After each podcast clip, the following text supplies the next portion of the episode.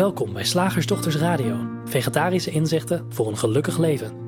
Linda Spaanbroek en Angela Mastwijk geven jullie een kijkje achter de toonbank van de menselijke ervaring. Hoe werkt het daar nu echt?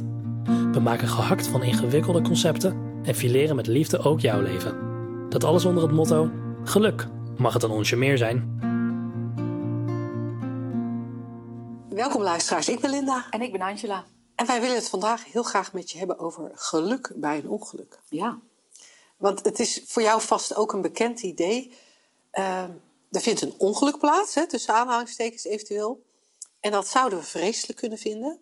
En dat doen we misschien ook. Maar, zeggen we dan, er is tegelijkertijd een aspect aan deze gebeurtenis dat je als positief zou kunnen zien, of wat je misschien zelfs positief labelt.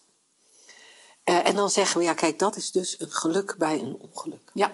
En vandaag willen we graag eens met je aan de hand van dit idee kijken naar het soort geluk waar wij over praten.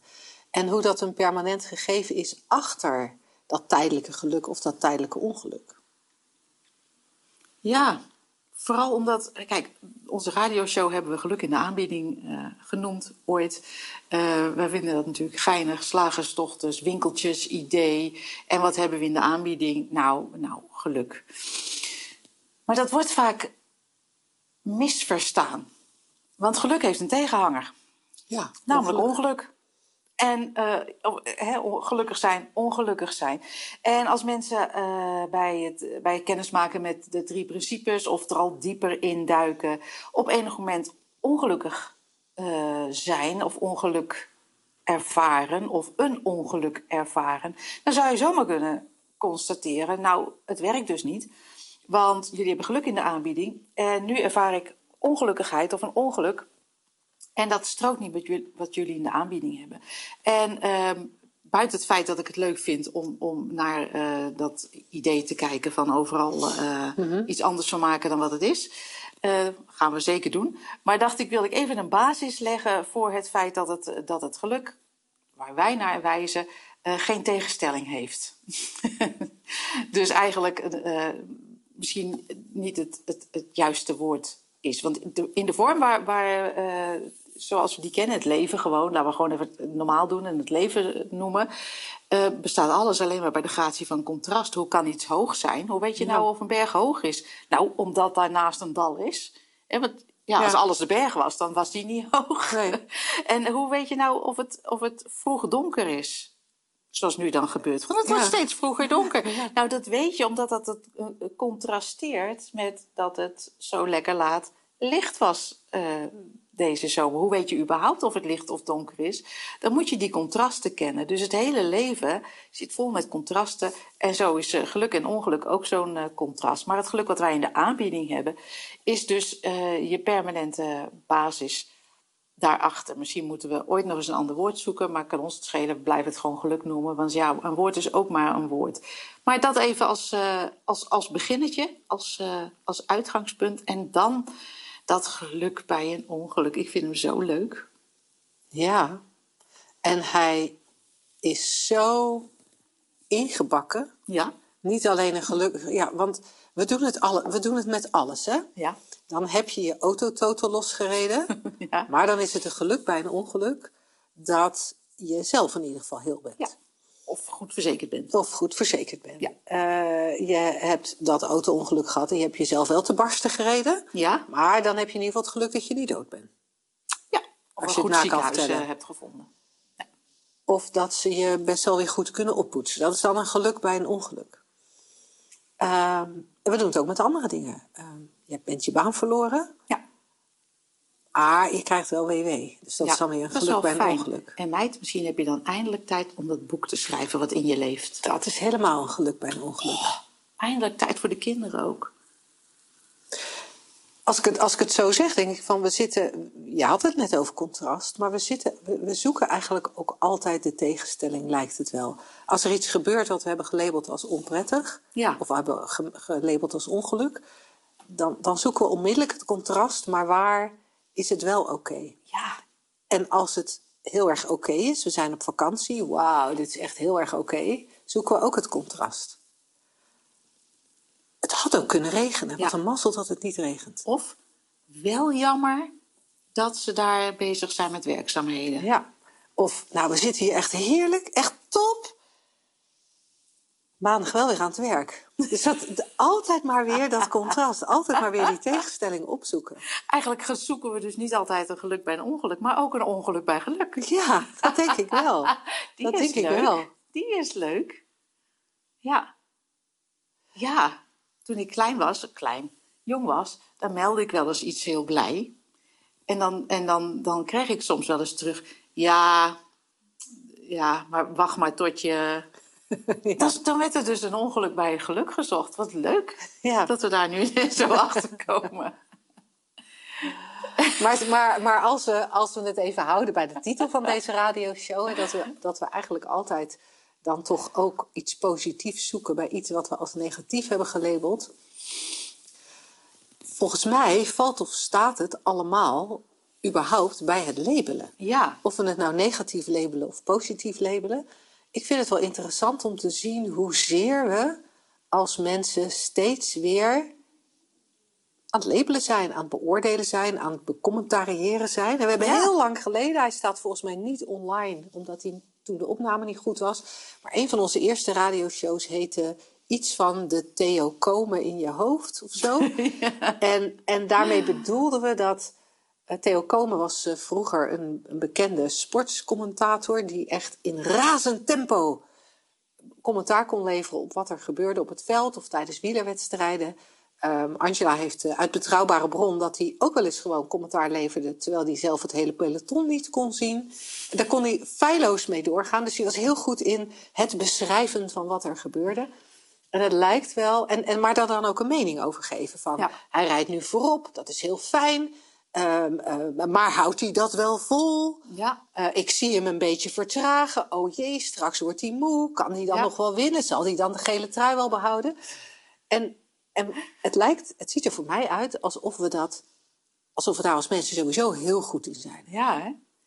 Becommentariëren, bespreken wat er gebeurt. Mhm. En dan komt er automatisch een positief of een negatief uit. Ja. En nu moet ik denken aan, eh, het is een hele bekende sage of legende of metafoor, weet ik veel.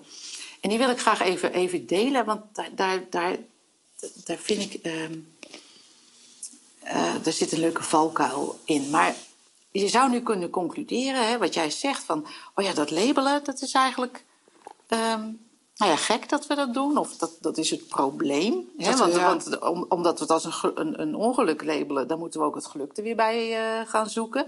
Zodat, ons, zodat we het gevoel een beetje kunnen uitlevelen of zo. en waar ik aan moest denken is dat verhaal, je kent het vast wel, van eh, de Chinese boer. Ja, Met dat paard. Ja. Die had een paard. je hebt hem honderden radioshows geleden alles een keer verteld. Goed, boer met paard in de wei. En zijn buren zeggen allemaal: Oh, ben je toch een bofkont dat je een paard in de wei hebt? En dan zegt die boer: Misschien wel, misschien niet. Afijn, dat paard loopt weg. En alle buren zeggen: Oh, wat erg. Nou had je een paard en nou is die weg. Wat vreselijk voor je. En die boer zegt: Nou, misschien wel, misschien niet. En op een gegeven moment komt het paard terug met een hele kudde paarden bij zich. En dan heeft hij ineens tien paarden. Waarop de buren zeggen: Oh, wat fijn dat hij terug is met tien. Nu heb je tien paarden, wat heerlijk voor je, wat een geluk. En de boer zegt: Nou, misschien wel, misschien niet. En dan gaat zijn zoon dat paard berijden en die wordt er afgegooid en die breekt zijn been. En dan zeggen de buren: Oh, wat vreselijk, een zoon met een gebroken been. En de boer zegt: Misschien wel, misschien niet. En dan komt het leger voorbij, het Chinese leger, en die recruteert alle jonge mannen. Maar ja, die met het gebroken been kunnen ze niet meenemen. Dus alle buren zeggen: Oh, wat een geluk! Nou hoeft hij niet mee. Wat ben je toch een mazzelaar? En de boer zegt: Misschien wel, misschien niet. Nou, dat verhaaltje is natuurlijk om aan te geven dat je het niet kunt weten. En waarom ik het wilde, opnieuw wilde delen, is dat heel vaak wat we horen als mensen, dat we zo gewend zijn dat contrast te zoeken kennelijk. van, Oh, contrast zoeken is niet goed. Ik moet bij alles wat er gebeurt die Chinese boer zijn, want dat is wel goed. Ja. Hè? Want die was, nou ja, ik weet niet hoor, noem een stroming uit de Zen of uit de, het boeddhisme of De Taoïsme. ja, Taoïsme natuurlijk, Chinees. Nee, dat zal het zijn. De wegloze weg. Dat is goed. Dus bij alles wat er gebeurt, moet ik zeggen, nou, misschien wel, misschien niet. Ik moet neutraal zijn. En dat, dat is niet onze boodschap.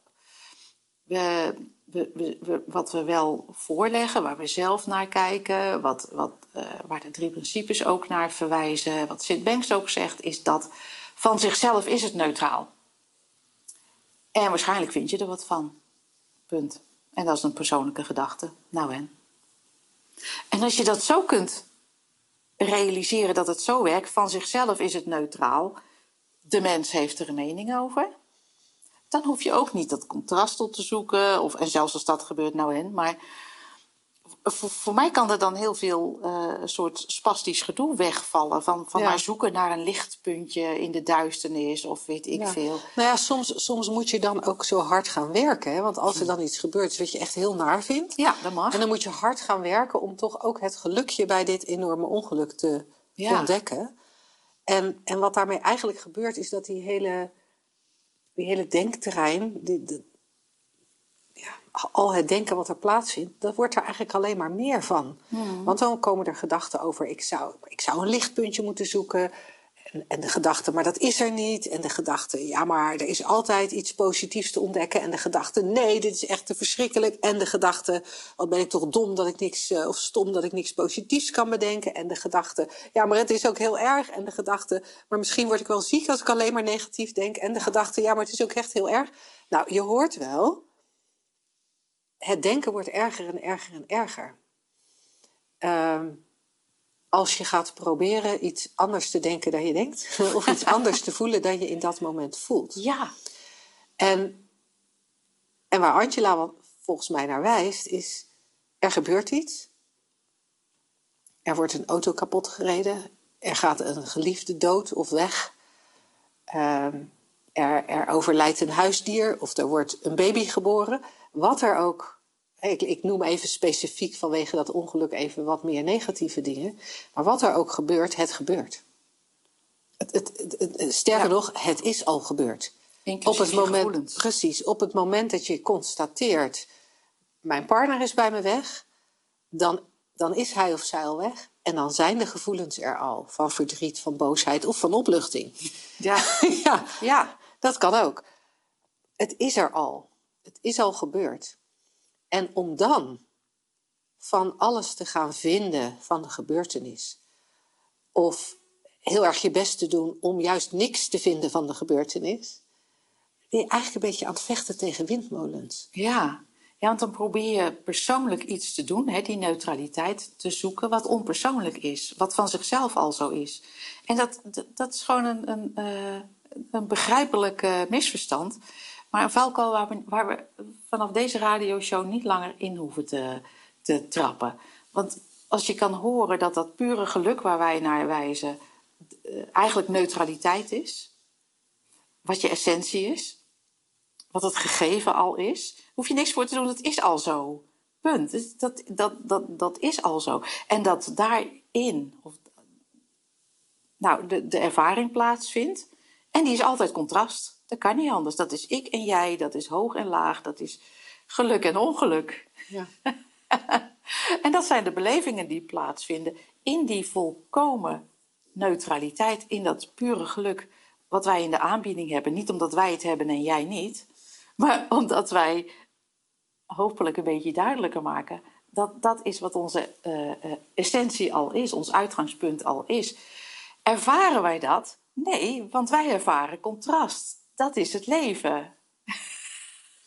Ja, en het fascinerende is, dat, dat, daar, daar, daar, daar kan ik gewoon nog steeds met mijn hoofd niet bij, hè? dat wij, wij beleven het contrast. Ja.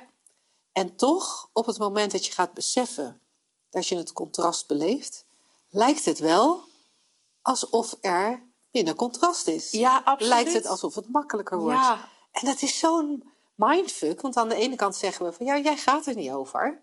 Jij bepaalt niet wat er gebeurt. Jij bepaalt niet wat er gevoeld wordt. Jij bepaalt niet wat er gedacht wordt. En tegelijkertijd, als er door bijvoorbeeld te luisteren naar deze radioshow of door naar een driedaagse bij ons te komen of een shiftdag of met ons in gesprek te gaan via coaching, zou het zomaar kunnen zijn dat dat er veel meer gemak ontstaat alleen maar door te zien hoe het werkt. Ja, Ik blijf het magisch vinden. ja dat, dat is het ook. En dat lijkt elkaar tegen te spreken. Maar ja, als het eigenlijk helder is dat geluk of ongeluk simpelweg gebeurtenissen in het geheel zijn, terwijl het geheel heel blijft. Ja, eh, kennelijk zijn dan die labels ook helemaal niet meer zo interessant. En, en dan zeg je misschien dingen als die boer, maar niet omdat je dat een goed idee vindt of omdat je van je gevoelens van geluk. Nou ja, niemand wil van zijn gevoelens van geluk af. dat je van je gevoelens van ongeluk af wil. Hoewel, ik denk, als je zo'n eh, van die eh, eh, soort bepaalde stromingen in het boeddhisme, hè, dan mag er geen gehechtheid zijn. Dus dan moet je eigenlijk ook van je geluk af. Ja, Ja, ja. dan, dan, dan streef je een soort naar contrastloosheid. En wij streven nergens naar. Wij geven je alleen de suggestie dat van, van zichzelf dat al zo is. Dus dat, er niet iets, dat het niet iets is waar je dichterbij kan komen. Of wat voor de een meer geldt dan voor de ander. Nee, contrast geldt voor ons allemaal. Maar inderdaad, zoals Linda zei op wonderbaarlijke wijze... Ja, wo- wordt, het, wordt dat minder ehm, belangrijk of zo? Of minder, minder heftig of minder interessant? Laat ik het ja zo of zeggen. is er minder gehechtheid Ja. aan de fluctuaties in, Ja, dat, precies. in die menselijke Ja. ervaring? Ja, maar, maar dat, dat, dat besef van dat het van zichzelf eh, puur geluk is, oftewel neutraliteit, ja, dat, is, eh, dat is de sleutel. Als ik eens zo'n raar woord mag gebruiken. Ja, cool. Ja, Ik vind het toch cool. oké. Zeg, slagersdochters, hoe bak ik die vega-burger? Over naar de luisteraarsvraag. Vandaag hebben we een vraag van Jantine binnengekregen.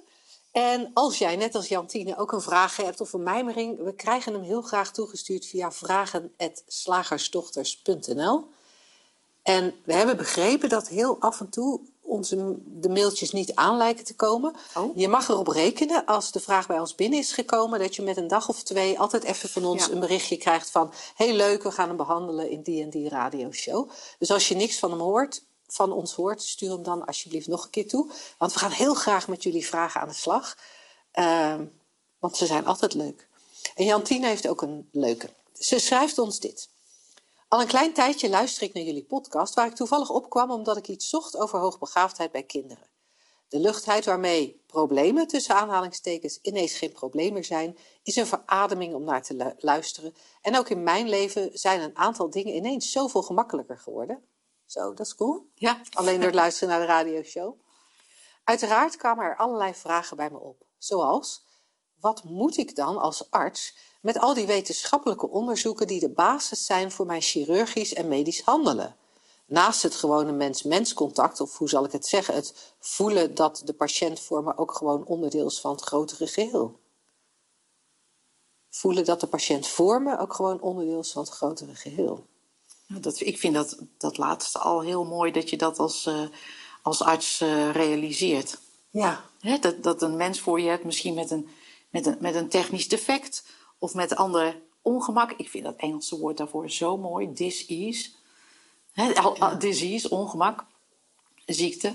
Eh, dat, dat, je, dat je realiseert van, nou ja, de, de, er zit in ieder geval in, de essentie is nog helemaal heel en oké. En laten we eens even kijken naar, naar dat ongemak. Ja. ja, wat wij natuurlijk ge- gehoord hebben van iemand die huisarts is en was en die de opleiding bij ons deed, dat zij ook tijdens het opleidingsjaar merkte dat haar werk als arts ook zoveel makkelijker Ja. werd. Dat is niet echt gelijk een, vraag, een antwoord op Jantina's vraag over van hoe, hoe doe ik dat dan met wetenschappelijke onderzoeken eh, die de basis zijn voor mijn chirurgisch en medisch handelen. We kunnen hem natuurlijk vanuit allerlei verschillende eh, kanten aanvliegen. Het eerste wat in mij opkomt, is dat. Jij noemde net al dis, disease en je zei disease. Ja. We zouden allereerst eens kunnen kijken naar eh, wat, wat wij ziekte noemen of hoe we geloven dat ziekte ontstaat. Ehm, en ik, ik, vind het, ik merk dat ik het een beetje lastig vind om daar eh, eh, subtiel over te praten. Dus ik laat even elke vorm van subtiliteit los. Ja. En dan hoop ik dat Jantien de het subtiele zelf wil toevoegen. We gaan dus nu gewoon even kort door de bocht, Jantine, sorry. Kort door de bocht. Je zou je kunnen afvragen of wat wij ziekte noemen wel ziekte is. Ja. Uh, want er zijn, lijkt wel, voor ons als leken, want wij zijn natuurlijk geen arts, lijkt het wel alsof er meer en meer en meer ziektes ontstaan. Er zijn ook heel veel ziektes die een beetje komen en gaan. Ja. Uh, RSI is een tijd heel Ja. populair geweest, hoor je niks meer van. Uh, wat ik zelf heb gehad. uh, Bekkeninstabiliteit? ja, maar ik bedoelde dat in mijn nek. Oh, whiplash. Whiplash is een tijd populair geweest. Hadden veel mensen last van. Uh, Fibromyalgie. is op dit moment een, een, uh, een ding. Uh, dus dus da daar, dat vind ik al interessant, dat er blijkbaar modeziektes zijn.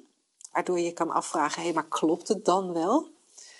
Um, en het andere aspect waar, waarvan wij ons afvragen van, hmm, klopt het wel? Is dat we, we best wel lijkt het. En nogmaals, ik ben een leek, hè, dat ben ik me bewust, Jantine. Dus, dus, dus kijk vooral even wat, wat past binnen jouw kader als arts en of daar iets nieuws te zien is voor je. Um, we bekijken het allemaal heel mechanisch. En, en als iets stuk is, nemen we aan dat het heel gemaakt moet worden. En dat het heel gemaakt moet worden van buitenaf. En als we al zoeken naar een oorzaak voor, um, voor een ziekte, dan zoeken we die ziekte ook buitenaf. Uh, dus uh, uh, kanker krijg je bijvoorbeeld van roken. Hè? Iets wat, waarvan je zou kunnen zeggen dat komt van buitenaf. of van asbest. Um, hart- en vaatziekten krijg je van bijvoorbeeld te veel alcohol of misschien ook weer dat te roken. Maar je krijgt het ook van stress. Dat, dat is ook. En verkeerd eten. En verkeerd eten. Ja, dus dat, dat is. Eigenlijk zou je kunnen zeggen ook van buitenaf. Er zit altijd maar die van buitenaf, dat van buitenaf aspect aan. En als je kijkt naar het Engelse woord voor ziekte, disease, dan, en, en je spreekt het uit zoals Angela er straks deed, dis-ease, dan zou je ook kunnen afvragen of ziekte, elke vorm van ziekte, niet een vorm is van ongemak. Ja. En, en ongemak in de zin dat er, dat er iets in het systeem zit wat schuurt en wringt. En ja, ik, ben, ik neem dan toch mezelf even als voorbeeld. Why not? ik heb 25 jaar chronisch pijn gehad en, door, en, en daar moest ik volgens artsen mee leren leven. En uh, er waren, waren dingen aanwijsbaar, maar daar was eigenlijk niks aan te doen. Dus leer er maar mee leven. En uiteindelijk door inzicht ben ik van die chronische pijn afgekomen. En toevallig had ik een aantal, uh, ja, ik weet eigenlijk niet, tijd is tegenwoordig altijd een beetje, een beetje dat ik, ik, weet, ik weet nooit precies meer wanneer iets heeft plaatsgevonden. Maar ik heb sinds de zomervakantie had ik een uh, aantal weken best wel heel veel pijn in mijn been. Het straalde helemaal uit naar mijn knie en ik kon af en toe niet lopen of heel moeilijk lopen. En ik kon zeker niet uh, me omdraaien in bed. Dat soort grappenmakerij. Voor mij was duidelijk, ook door die chronische pijn die ik heb gehad, als, als er zo'n pijn is, dan betekent dat in mijn geval, en ik wil echt niet hier medisch advies gaan zitten geven, hè, dus, dus um, wat voor mij geldt, hoeft echt niet voor iedereen te gelden.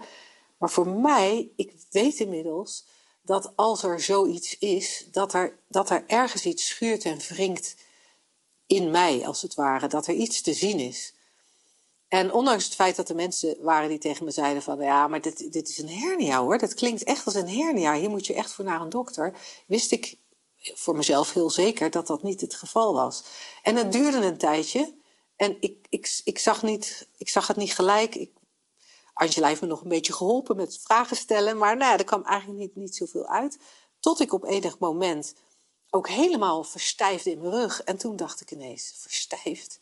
Ik ben verstijfd van angst. Hm. En, en, en toen werd er in een soort flits gezien dat er best wel veel angstige gedachten waren. Die, die ik in eerste instantie eigenlijk niet zo had opgemerkt. Ik vind mezelf ook niet een bang persoon, maar blijkbaar was dat er wel. En met dat zien um, was eigenlijk in de loop van de dag zakte de pijn al naar misschien 20% van wat hij was. En, en een paar dagen later was hij helemaal weg en hij is nu alweer een hele tijd weg. En het is maar een voorbeeld, hè? En toch ziet het er voor ons uit alsof, alsof dat voor veel ziektes geldt. We het niet, misschien niet over een gebroken been? Nee, ik denk altijd inderdaad, als het iets technisch is, ja, dan is het logisch dat je het laat repareren. Maar, maar, Ja, maar, maar- maar, technisch is natuurlijk ook Heel een beperkt, beetje... hoor, want technisch. want eh, een, een, eh, een hartoperatie waarbij er een bypass gedaan wordt... zou je van kunnen zeggen is een technische operatie. Oh, ja. Alleen het het ontstaan van de vernauwing... Ja. daarvan kun je je afvragen of dat zo technisch is. nee, ik zie het meer als een, een, een bot eh, breken omdat je valt. Dat noem ik mechanisch. Of zo'n zo'n snee in je voet zoals ik nu heb. Een snee in je voet, ja. Precies, gewoon een ongelukje. Ja, en wij hebben natuurlijk ook andere voorbeelden van, van mensen die met ons in gesprek raken of luisteren. En bijvoorbeeld eh, geen last meer hebben van fibromyalgie of andere klachten. Maar zoals jij al zei, Linda, we zijn geen dokters. Maar ik denk dat het heel, heel prettig is. Ik moest ook denken aan Voltaire, die ooit gezegd schijnt te hebben. De taak van de arts is de patiënt eh, gerust te stellen terwijl de natuur zijn werk doet. En dat vond ik, dat vond ik zo mooi, zowel op psychisch als op, als op, als op lichamelijk gebied. Althans, zo zie ik het, hè? nogmaals, geen arts. Eh, doet de natuur altijd zijn werk als je het zijn gang laat gaan. Maar zowel psychisch als fysiek zijn we dat ontwend, want we snappen niet wat het is. Ongemak, dis-ease, dat dat simpelweg een energetische beweging is, om het zo maar even te noemen. Omdat alles in essentie één energie is, is alles een energetische beweging. En dan gaan we, en ik weet ook niet wie dat doet of wat dat is, ja, dan zijn we heel snel met, oh, dit moet, eh, dit moet weg, eh, dit moet beter, dit moet anders, hier moet ik van af, dit klopt niet, dit, dit, dit, dit is... Ja, en we weigeren, we, eigenlijk weigeren we ook ons dagelijks leven aan te passen aan wat er op dat moment ervaren want wordt. waarom ga je niet gewoon liggen als je moe bent? Of Ja. ga je niet gewoon doen wat natuurlijk is, wat je ingegeven wordt? Nee, we, gaan, we, we willen tegelijkertijd door en iemand moet het voor ons oplossen en de arts weet het. En, en sorry Jantine, je hebt natuurlijk hartstikke veel gestudeerd en natuurlijk weet je dingen en, en eh, wat je met die on- onderzoeken doet, ehm, dat is helemaal up to you. Eh, wij geven dus wel een soort alternatieve track op. Je hoeft niet het ene in te ruilen voor het andere, maar alleen iets om nieuwsgierig naar te zijn en, en open voor te staan. Dan zou het zo kunnen Ja. zijn dat het. Wat, je ook zegt, wat, wat je ook in de vraag noemt, dat mens-mens contact. Misschien hoor je daar, als je daar goed gaat luisteren, hele andere dingen in. Ja. ja, dat zou zomaar kunnen. Ja, ja ik moet ook denken aan eh, wat ik hoorde van iemand die eh, als co-assistent stage liep op een eh, neurologie, polykliniek neurologie. Die vertelde dat eh 80% van de mensen die bij hen komen met hoofdpijnklachten, dat dat eigenlijk allemaal stress is. En van stress kunnen we natuurlijk heel makkelijk zien dat dat heel Ja. veel met, dat het eigenlijk altijd denken is. Ja. Althans, wij kunnen dat makkelijk zien. Ik hoop de luisteraars ook. ja. Ehm, en, en toch, omdat mensen dat niet geloven, eh, willen ze onderzoeken. En, en die co-assistent vertelde dat er onwijs veel dure onderzoeken gedaan worden. Terwijl de, de arts in kwestie eigenlijk al weet dat, dat er niks Nee. ernstigs aan de hand is. Of niks aan de hand is wat door een neuroloog opgelost kan worden. En ik denk ook dat we heel vaak eh, onze toevlucht nemen tot deskundigen, ehm, omdat we bang zijn. En niet onze eigen wijsheid, deskundigheid, over in, die in dit moment vaak toch echt wel weet wat er, of er wel of niet iets aan de hand is. Eh, dat, daar durven we gewoon niet meer naar te luisteren. Of niet meer, dat Nee. weet ik niet. Daar durven we niet naar te luisteren. Nee, nee want, Want? als ik daar wel naar luister, kan ik niet naar mijn werk. En als Ja. ik niet naar mijn werk ga, dan... Ja, ja of, of ja, maar dat had eh, tante Beb ook. En, eh, nou ja, en die ging te laat naar de dokter en eh, toen ging ze dood. Ja, ja ook dat. Bijvoorbeeld. Hè? De, Ja. de, de angst natuurlijk is, is enorm groot voor ziektes. En wordt ook in mijn ogen best wel levend eh, gehouden door van alles en nog wat. Ja. Hey, mag ik nog heel even ook, ook dat ene aspectje van, van Jantine, wat, waar we eigenlijk een beetje overheen gewalst zijn, wat zij moet doen met al die wetenschappelijke onderzoeken die de basis zijn voor haar chirurgisch en medisch handelen. Ja. Wat ik interessant vind, en dit is heel erg een aanwijzing in de vorm, Eh, maar diezelfde co-assistent, waar ik dat andere verhaal van hoorde, eh, die, die moest onderzoek doen naar een technisch cardiologisch dingetje. En zij kwam erachter dat alle onderzoeken waar ze zich op baseerde, uiteindelijk allemaal terug te voeren waren tot dezelfde farmaceutische sponsor. Oh, En, en soms moest ze daar wat dieper voor doorzoeken om erachter te komen. Oh, maar wacht even. Dit onderzoek baseert zich op dat onderzoek. En dat baseert zich op dat onderzoek. En dat onderzoek ja. is betaald door de maker van dit cardiologische technische dingetje. En Dus dat, is natuurlijk ook een, een aspect, hè, dat je daar al, als arts ook je bewust van bent en scherp, eh, scherp op bent. En ik vind het mooi dat jij dat, eh, die ervaring ook eh, kan delen van die co-assistent. Dat, ehm, dat het uitmaakt wie het onderzoekt. Dat het uitmaakt wat, eh, wie het betaalt. Ja, en dat we heel makkelijk, dat we ook heel makkelijk generaliseren. Ja. In de zin van er is een onderzoek gedaan bij 12 mensen of bij 200 mensen. En dat generaliseren. Ja, en dat, ja, maar dat is, dat, is, dat is treurig, maar waar. Ja. Dat er onderzoeken gedaan worden bij dieren die, die, die vervolgens vertaald worden naar mensen zonder dat er echt goed onderzoek bij mensen is gedaan. Eh, of, of, of er wordt onderzoek gedaan en als het bij 51% een, een bepaald medicijn bij 51% van de mensen werkt, dan mag het eh, toegepast worden als medicijn. En ja, dat het dan bij 49 niet werkt, daar kijken we eigenlijk niet naar.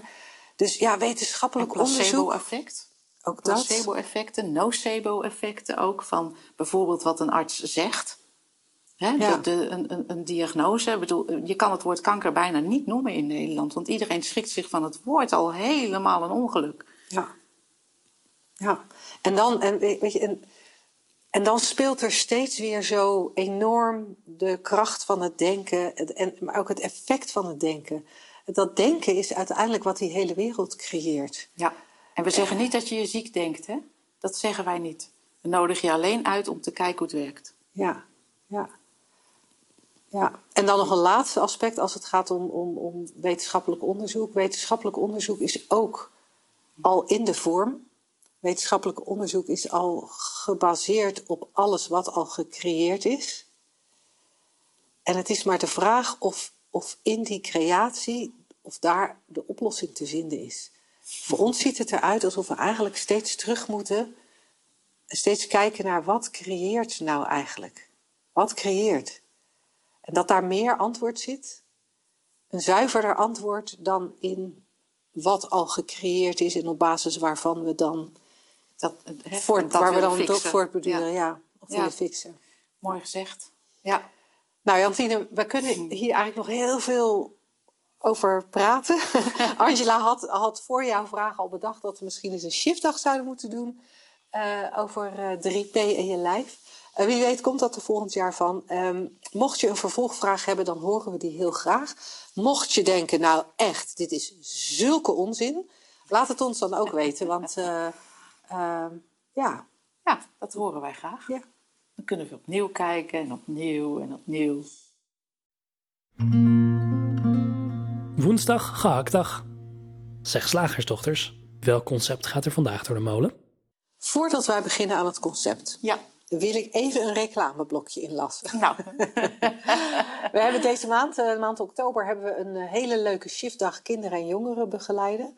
Eh, een van onze favoriete onderwerpen, Ja. omdat we zelf het idee hebben van hoe cool zou het zijn als je op jonge leeftijd al inzicht in die drie principes krijgt. hè. En als je, zoals Jantina uit de vraag eh, die je net hebt gehoord, al schreef dat alleen al door het luisteren naar de radioshow er dingen makkelijker geworden zi- zijn. Hoe cool zou het zijn als je daarmee niet hoeft te wachten tot je ver volwassen bent. Ja, dat, je al die psychologische kind- onzin al hebt, bent Ja. gaan geloven. dat je als kind of als jongere al in aanraking kan komen met hoe dat nou echt zit met die menselijke ervaring. Dus eh, ja, super cool als jij iets doet met kinderen en jongeren, of dat nou beroepsmatig is of het is als ouder.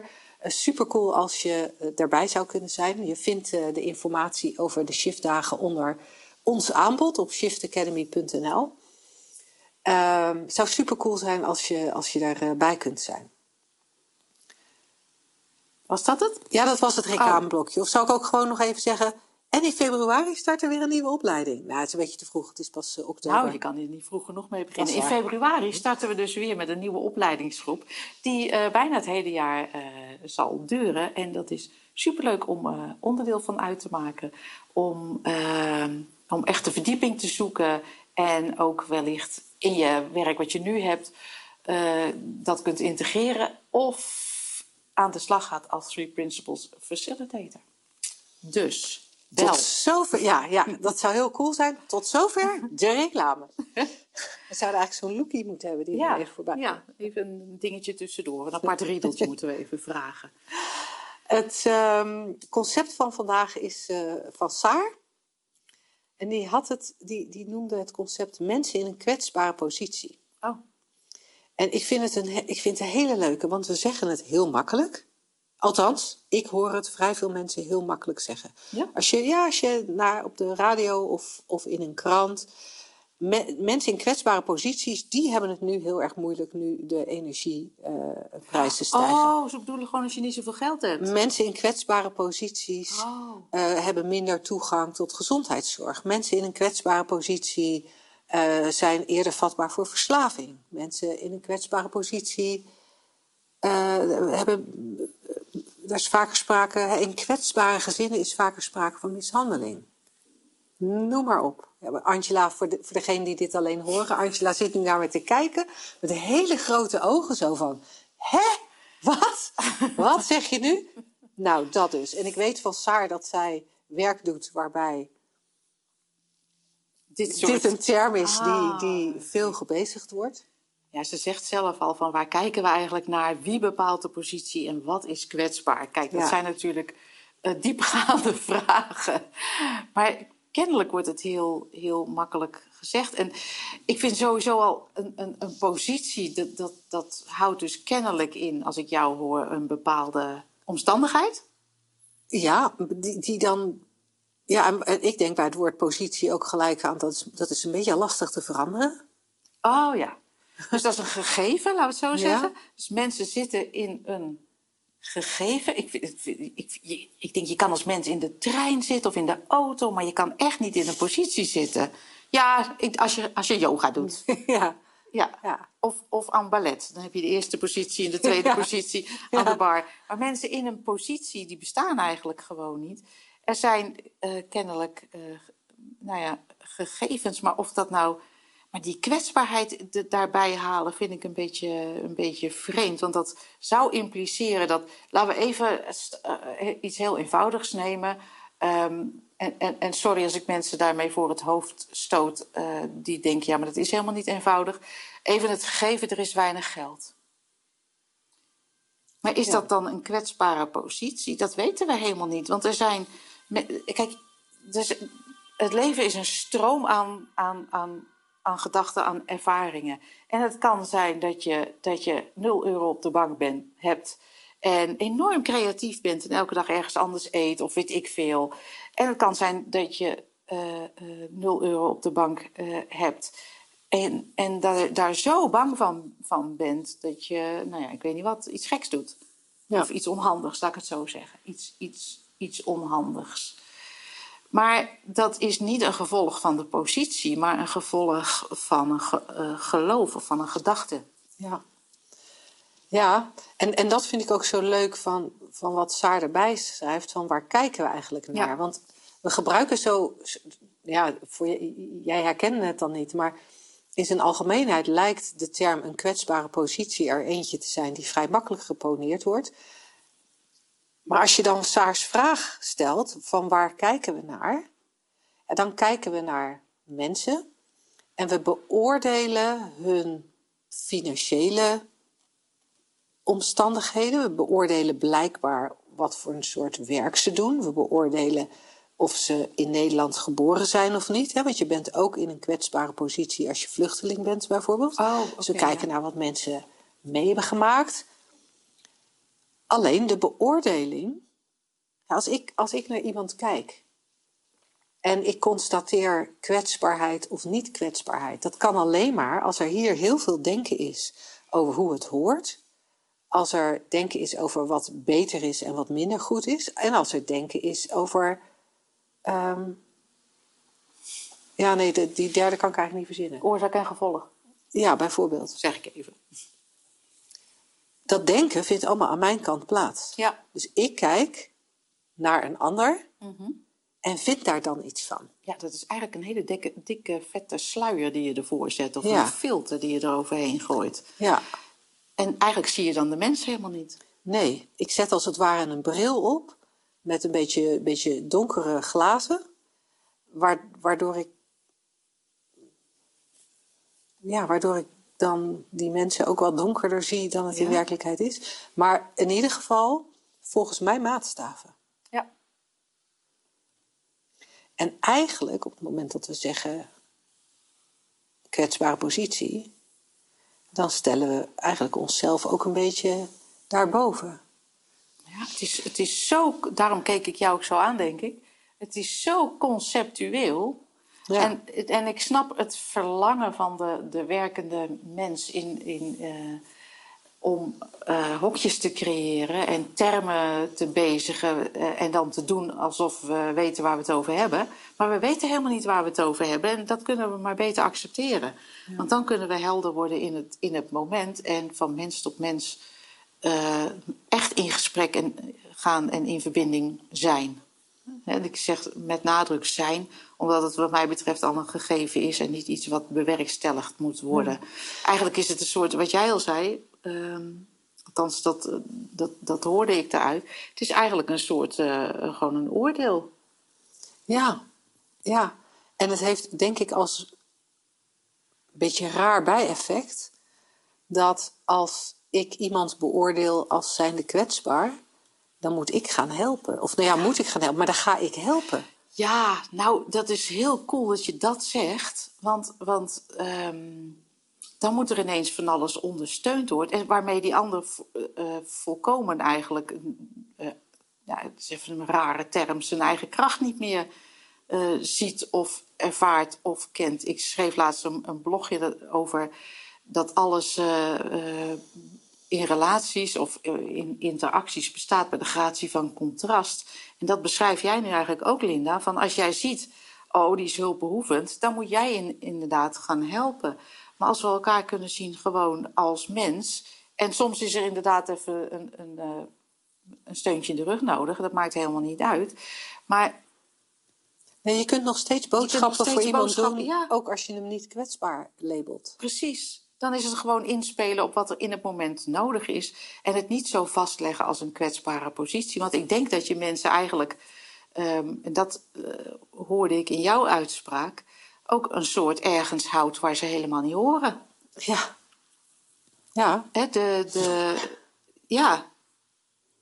Ik denk wel eens, als we gewoon van mens tot mens met elkaar in gesprek zouden kunnen gaan. Bij, bij wat er ook aan de hand is, hè, of het een financieel probleem is, of een ander probleem, of een psychisch probleem. En gewoon elkaar konden zien. Dan ontstonden er die, dat soort rare dynamieken niet van hulpverlening en hulpvrager.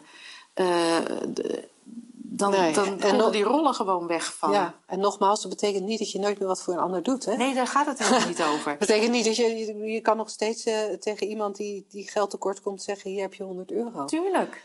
Ehm, of, eh, Of ik help je even met een aanvraag. Ja, dat, dat kan. Als je het zelf niet kan. Maar We- Weet je wat, waar ik ook nog heel even op in wil gaan, en misschien gaat het iets te ver voor de radioshow, is dit meer iets voor bijvoorbeeld zo'n driedaagse of zo'n shiftdag, maar ik ga het toch doen. Kwetsbaarheid is eigenlijk iets wat sowieso al niet klopt. nee. Want als we zeggen dat iemand kwetsbaar is, gaan we ervan uit dat hij stuk kan. En dat klopt niet. Dat klopt niet. Als je kijkt naar hoe de drie principes werken, eh, dan, dan, dan verwijzen die drie principes ook heel helder naar het feit dat het enige wat ooit in de weg zit, eh, denken is. En dat, dat eh, help me out, ik kan niet uit mijn woorden komen. Ja, dat, dat, dat, eh, dat we dan missen, als we mensen kwetsbaar noemen, dat we missen eh, dan het feit, het gegeven, dat er eigenlijk in essentie alleen maar heelheid is. En de enige. eh, en we beleven dat niet omdat we in een wereld van denken leven. Maar die wereld van denken, van oordelen, van contrasten, van, van boven en onder en ik en jij en kwetsbaar en niet kwetsbaar. Dat is simpelweg allemaal wat, wat het denken doet. En we missen dat ieder mens een diepere dimensie heeft, om het zomaar eens even te verwoorden, van heelheid, van eenheid. Uh, wij, maar ook degene die tegenover ons zit, uh, die, die dat even kwijt is, of even vergeten is, of even, of even niet ziet. En ik vind het een beetje jammer om mensen te bevestigen in hun kwetsbaarheid, waargenomen kwetsbaarheid, of waargenomen uh, psychische ehm, disbalans ik vind het fijner om ons te realiseren, en dat geldt voor iedereen, ook voor ons. Daarom gaan wij juist wel van mens tot mens in gesprek.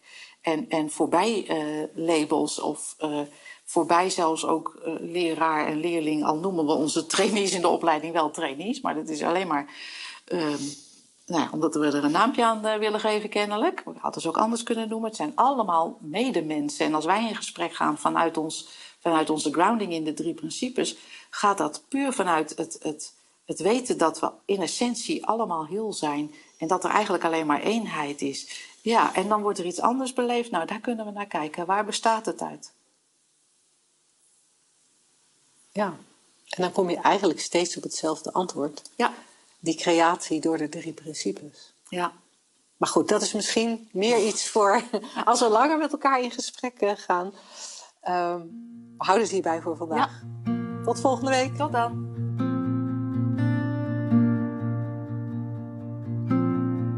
Heb je al geproefd van ons gratis e-book Ondernemen met meer gemak, inspiratie, flow? Je kan hem vinden op www.slagersdochters.nl/gratis.